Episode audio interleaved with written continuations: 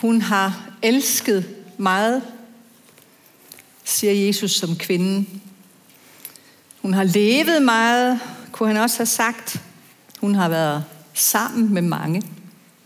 Hun har givet meget, fået meget, udvekslet kærlighed og kunden. Hun har ikke holdt sig tilbage. Hun har levet livet, måske lidt for meget. Levet lidt for meget. Hun er en kvindelig sønder. Hun er sådan en, der går hen til Jesus og lader sine tårer rende. Hun vasker endda hans fødder i sine tårer, i sine egne tårer. Og hun kysser hans fødder og tørrer dem med sit hår. Hun går helt, helt, helt tæt på Jesus. Så tæt, som man overhovedet kan komme. Ja, faktisk tættere også, end nogen af os vil gøre med hinanden i dag. Og Jesus lader hende gøre det. Hvorfor gør han det? Hvorfor lader Jesus en kvinde som hende komme så tæt på? Øhm, det fortæller han selv. Han forklarer selv. For det første lader han hende gøre det. Han stopper hende ikke. Og bagefter sætter han ord på. Og sådan er det jo tit med ham. Først viser han os det, viser os, hvad der er ret at gøre, og bagefter forklarer han med ord. Men hvad er det, han gerne vil lære os i den her scene? Hvad er det, han viser, og hvad er det, han siger? Han viser jo umiddelbart, at han anerkender hende. Han tager hendes følelser alvorligt, hendes måde at være på, og han, han lader hende også gøre, hvad hun vil. Og hun vil gerne vise ham sin kærlighed. Og den tager han imod. Han vælger at tage imod. Da jeg øh, læste den her tekst, så slog det mig, at øh, de her mænd, de sidder bare og kigger. De sidder bare og ser på. De kigger på hende, ser en kvinde, der har elsket meget. Og jeg tror, at Jesus tænker, at øh, hvis de ser hende, rigtigt ser hende, så kan de også se, hvor meget hun gør. Og så kan de måske tænke, at først når vi prøver at se et andet menneske med den, på den måde, Jesus ser hende på, så kan vi forstå, hvad det er for et menneske. Jesus ligesom viser hende frem, se her er hun. Han viser mændene ved bordet, eller de ligger måske ved det lave bord, viser dem, se hvilket menneske. Og han tager sig god tid. Det slog mig lidt sådan, at øh, det må tage lang tid at vaske fødder med tårer. Det må tage mange minutter, måske et kvarter. Det må også tage tid at tørre de fødder. Det er ikke noget, der er hurtigt overstået. Der, der bliver brugt godt med tid her. Og de mænd, de må bare sidde og vente gør ingenting. De sidder bare helt stille og venter, og de siger heller ikke noget. Og jeg tænker, på dansk siger vi, at, øh, at Jesus underviser. Og det han gør, det er jo, at han viser dem det under, som sker. Jeg tror ikke, det er sådan etymologisk, at ordet, altså han viser under. Ej, at Jesus underviser, han viser under. Og det under, han jo viser der, det handler jo om, at han tilgiver hende, selvom hun er sønder. Han tilgiver hende alle hendes sønder, og det ved vi jo godt. Vi ved godt, det er det, der er i gang med at ske, men det ved mændene ikke. De ser faktisk ikke, hvad det er, han gør. De ser ikke det under. For da hun er færdig med at vaske ham og tørre ham, så siger Simon, og viser, at han ikke har øjne at se med. De ser stadigvæk, at hun er en sønder. Det er det, Simon tænker ved sig selv. Jesus hører hans tanker. Han siger dem ikke højt, men han siger dem, så Jesus kan forstå dem. Så begynder han at forklare med ord. Og så begynder flere af dem måske at tænke for sig selv. Men det hjælper ikke. Det hjælper ikke. De ser hende stadigvæk ikke. De forstår ikke, hvad det er for et under, Jesus vil vise dem. De forstår ikke ham. De tager ikke imod hans undervisning. De tager ikke imod det kærlighedens under, som han viser dem. De fatter det simpelthen ikke. Og det er også voldsomt. Det er en meget provocerende handling, Jesus foretager sig her. For hun er en sønder, og det siger Jesus også. Men han holder fast i, at hun ikke kun er en sønder. Hun er ikke alene en sønder. Hun er også et menneske. Et menneske med meget stort mod.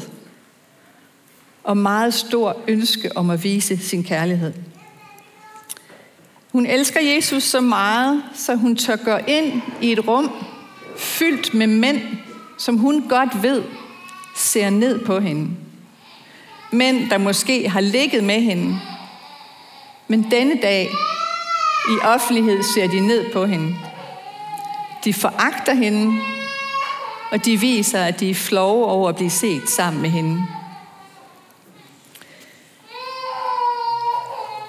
Jesus tager hende til sig, og på den måde er, er den her scene, den her handling jo meget lige den, hvor øh, vi hører om i Johannes evangelisk kapitel 8, som vi også alle sammen kender, hvor en gruppe mænd kommer hen til Jesus med en kvinde, som øh, de fortæller har begået ægteskabsbrud. Så ligesom kvinden i farisæerens hus, så er hun også en sønder. Manden, hun lå med, han, øh, han er usynlig. Han er ikke med. Det er kvinden, der kommer hen og skal, og skal stenes. Og igen er det ligesom Jesus, der står alene med en kvinde og så en gruppe af mænd. Det er det samme konstruktion, som bliver gentaget flere gange. Og øh, det lyder måske lidt omvendt, men for mig bliver de her to scener især, og også den ved brønden i Sykar, bevis for, at han rent faktisk har sagt det. Fordi de her fortællinger er så provocerende for den tid, at der må have været stor interesse for ikke at tage dem med. De omvælter jo hele den samfundsorden, der er, men de står der. Så han må have sagt det. De har ikke været til at komme uden om. Jeg har ikke tænkt på det på den måde før, men min gamle præst, domprovsten i Aalborg, han sagde det engang til mig, at for ham der er kvinderne sandhedsvidnerne. Det er Jesus relation til dem, som for ham fortæller ham, at det rent faktisk er sket. Det må jo også have været helt uforståeligt, revolutionerende, at han som mand forsvarede syndige kvinder. Kvinderne havde ingen rettigheder, de ejede ikke sig selv, de var slaver, som slaverne var det. De var ejet af fædre, eller ægtefæller, eller den ældste bror, eller den ældste søn. Men hvorfor beskæftiger Jesus sig med dem? Havde han ikke bedre ting at tage sig til? Hvorfor skal han sidde der og spise lunch med mænd, og så blive indsmurt i tårer fra en kvinde? Hvorfor skal han forsvare det? Hvad er det, han holder på med? Og hvorfor er det så ikke ligesom skubbet helt ud i en eller anden apokryf tekst, som vi ikke behøver at tage så alvorligt? Hvad er det, der foregår? Jeg ved jo godt, at jeg er kvinde. Jeg ved godt, at man kan sige til mig, ja ja, du står bare der og taler om sådan noget sødt og fint og koseligt søstersolidaritet. Snak du bare videre om kvinderne til kvinderne. Men det er altså ikke kvinderne, jeg taler om. Det er ikke kvinderne, jeg taler om. Jeg taler om Jesus. Jeg taler om, hvad han gjorde. Det er ham, jeg lytter til, læser om, ser på og prøver at rette mig efter. Så det handler ikke om kønsroller, det her. Når vi taler om kvinder og Jesus, handler det ikke om kønsroller. Det handler om kristendom. Det er et meget stort skift. Også for mig at se, det handler ikke om kønsroller. Jesus var nemlig lige glad med kønnene. Det handler om kristendom, fordi Jesus er lige glad for alle mennesker, uanset hvilket køn. Og det er det, der er kristendommens kerne.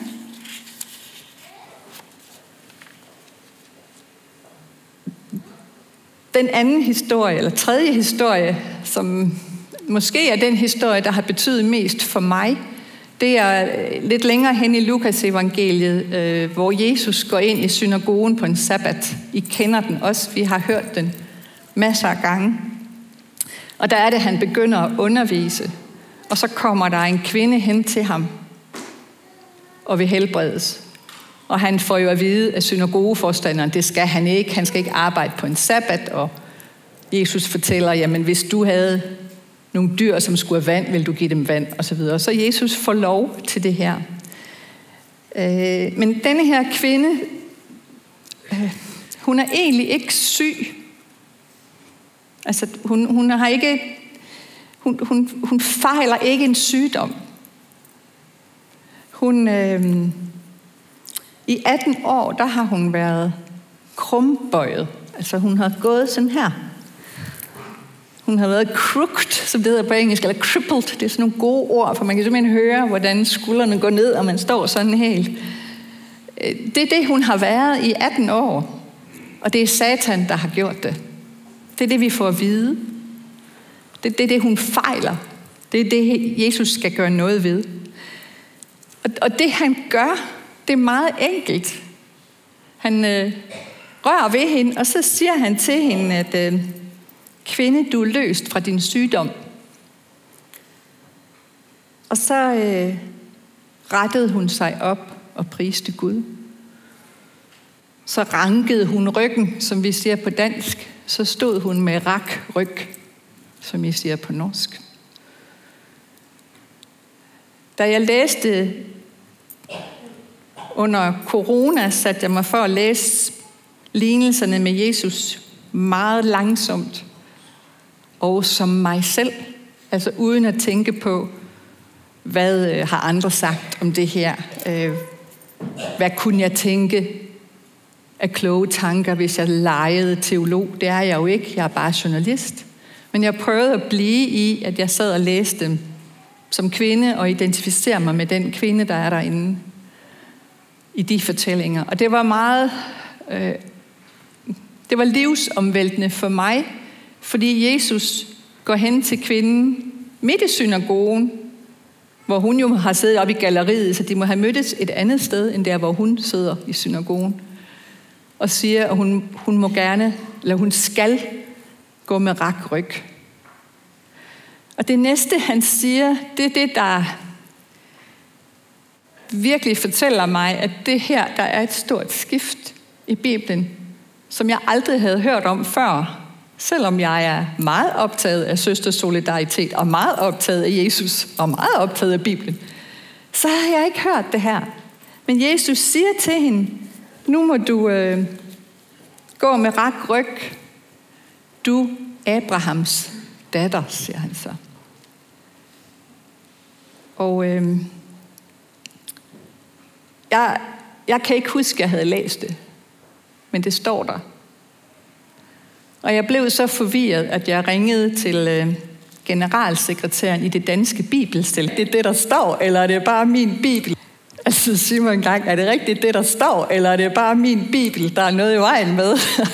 og hvorfor, øh, hvorfor har jeg aldrig hørt det her? Jeg har jo hørt om Abrahams sønner, dem har vi jo alle sammen hørt rigtig meget om. Øhm. Og så øh, sagde hun nej, det er jo ikke noget, vi taler så meget om, sagde hun så. Abrahams døtre. Men det er jo den forandring, Jesus kommer med. Det er jo den forandring, kristendommen er, at alle tæller med. Det er jo et kæmpe skift. Og det viser Jesus, det skift, ved at tage kvinderne med. Han bruger kvinderne som eksempel på, at han tager alle med. Fordi uanset hvilken samfundsgruppe han taler med, om han taler med slaver, eller med fejsager, eller tollere, eller jøder, så ligger kvinderne altid nederst i hierarkiet. Så den eneste måde, han kunne vise, at Gud ser alle, det er ved at tage kvinderne med. Det er sådan egentlig en meget enkel matematik næsten. Ved at tale med kvinderne, så sørger Jesus for, at alle er inkluderet. Men øh, jeg tænker sådan meget konkret, så jeg, da jeg læste det, så blev jeg ligesom siddende ved det der lunchbord, eller liggende, eller hvad det nu har gjort, og tænkte, hvordan, øh, hvordan har det været at være de mænd, der har siddet der, og, og, eller ligget og, og, og hørt på ham. Og øh, især altså afslutningen, hvor han siger, din tro har frelst dig, gå bort med fred.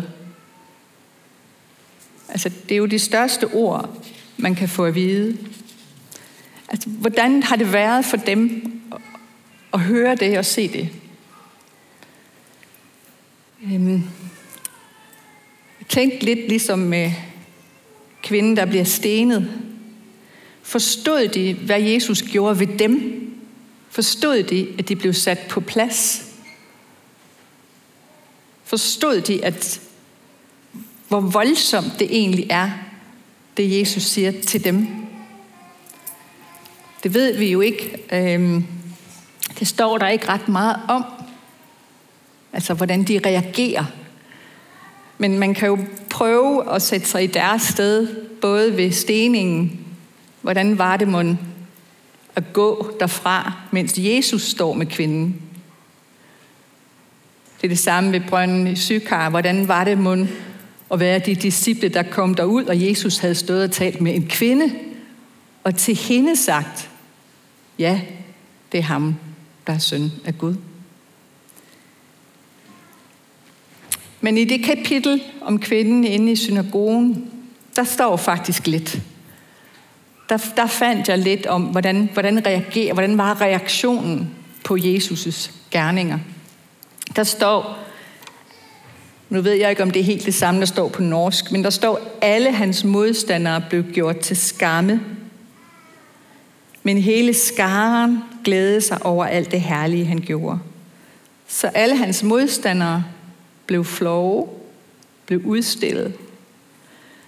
Men alle andre, hele skaren, altså hele befolkningen, alle dem, der var der, de blev glade. De blev lykkelige. De var glade for det, han gjorde. Alt det herlige, han gjorde, står der faktisk. Så det var jo herligt, syntes folk, at det han lærte, var, lærte os var, at alle mennesker, uanset køn, er Guds børn. Og så sidder man der og tænker, det var dejligt, det var vel nok skønt. Men jeg prøver også at læse Bibelen, så jeg kan skubbe lidt til mig selv. Fordi hvad er det, den historie så fortæller os? Hvem er vi i fortællingen? Hvem er jeg i den fortælling? Eller de fortællinger? Er jeg en af mændene, eller er jeg kvinden? Det er jo så nemt, at jeg bare er kvinden. Men hvis jeg lige har fortalt, at Jesus er ligeglad, og Gud er ligeglad med, om man er mand eller kvinde, den logik må jeg jo også bruge på mig selv. Så måske er jeg også en af mændene, der sidder der og ved bedre og ikke hører efter. Jeg tror, vi skal læse det som, at vi, øh, at vi er alle de personer på én gang, på forskellige tidspunkter og samtidig. Jeg tror, det er den lære, vi kan drage af, at vi får hans visdom fortalt i fortællinger med forskellige mennesker, som gør forskelligt, som reagerer forskelligt på Jesus. Nogle lytter, nogle gør ikke. Jeg tror, det er for at vise os, at sådan er vi os selv. Nogle gange er vi den syndige kvinde, som bliver tilgivet.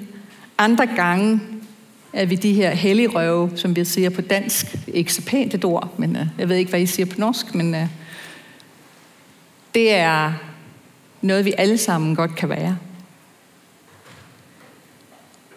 Nogle gange er vi mændene på torvet, som går fra ham i vrede, flovhed, som vender ryggen til ham. Og andre gange er vi som en sønderinde, der vasker hans fødder.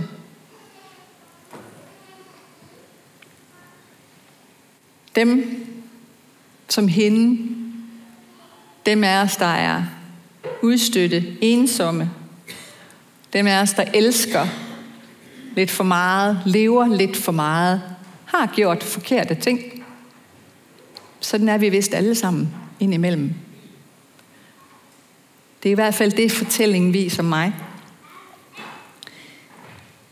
Han siger jo så også, og det er jo det, der er så utrolig smukt i den fortælling, vi lige har hørt i dag, at den, der kun får lidt tilgivet, har kun elsket lidt. Der ligger også en omvendt fortælling om næsten et krav om, at vi skal elske meget. Fordi tilgivelsen er det største, Jesus giver. Så vi skal gå fuldblods ind i den kærlighed og ind i at elske. Vi skal elske. Vi skal gå ind i den relation mellem Jesus og os om tilgivelse og kærlighed. Og det er bare ikke særlig let. Mændene gør det jo heller ikke. Der sidder mange mænd omkring det bord. De gør det jo ikke. Det er heller ikke altid, vi selv gør det. Og det er også svært at elske dem, der ikke er perfekte. Det er jo det, mændene sidder og tænker. Hvorfor skal han elske hende, når hun ikke er perfekt? Men lige præcis der bliver jeg ramt, for jeg synes, det sværeste er at elske mig selv, for jeg er ikke perfekt. Og så bliver jeg ligesom mændene. Så hører jeg ikke efter. Så lukker jeg af. Det er det, jeg sad med, da jeg havde siddet med den her tekst i lang tid. Men vi kan jo godt gøre det. Altså, vi kan jo godt elske os selv. Det, det, går fint at gøre det, fordi vi er elsket på forhånd. Vi er allerede elsket. Så det går helt fint. Det er ikke det er svært, men det er ikke os, der gør det svært. Eller det er os, der gør det svært. Undskyld, det er os, der gør det svært. Det er jo ikke svært øh, for Jesus at gøre det. Og det er det, han, som op, jeg oplever det, han prøver at fortælle os her. At vi kan roligt elske, vi kan roligt gå ind i den kærlighed, for uanset hvad, så det, at vi elsker meget, det er det vigtigste. Så bliver vores fejl og vores synder os også tilgivet. Til kvinden på torvet, der siger han jo direkte, hende der ikke blev, hende, der ikke blev stenet, Heller ikke jeg fordømmer dig. Gå og synd fra nu af ikke mere, siger han der. Og til kvinden ved brønden, der er det der, han siger, jeg er den, der taler til, til dig. Det er jo kæmpestort, at han gør det til hende. Og så er det til kvinden, vi hører om i dag. Det er meget, meget enkle. Din tro har frelst dig. Gå bort med fred.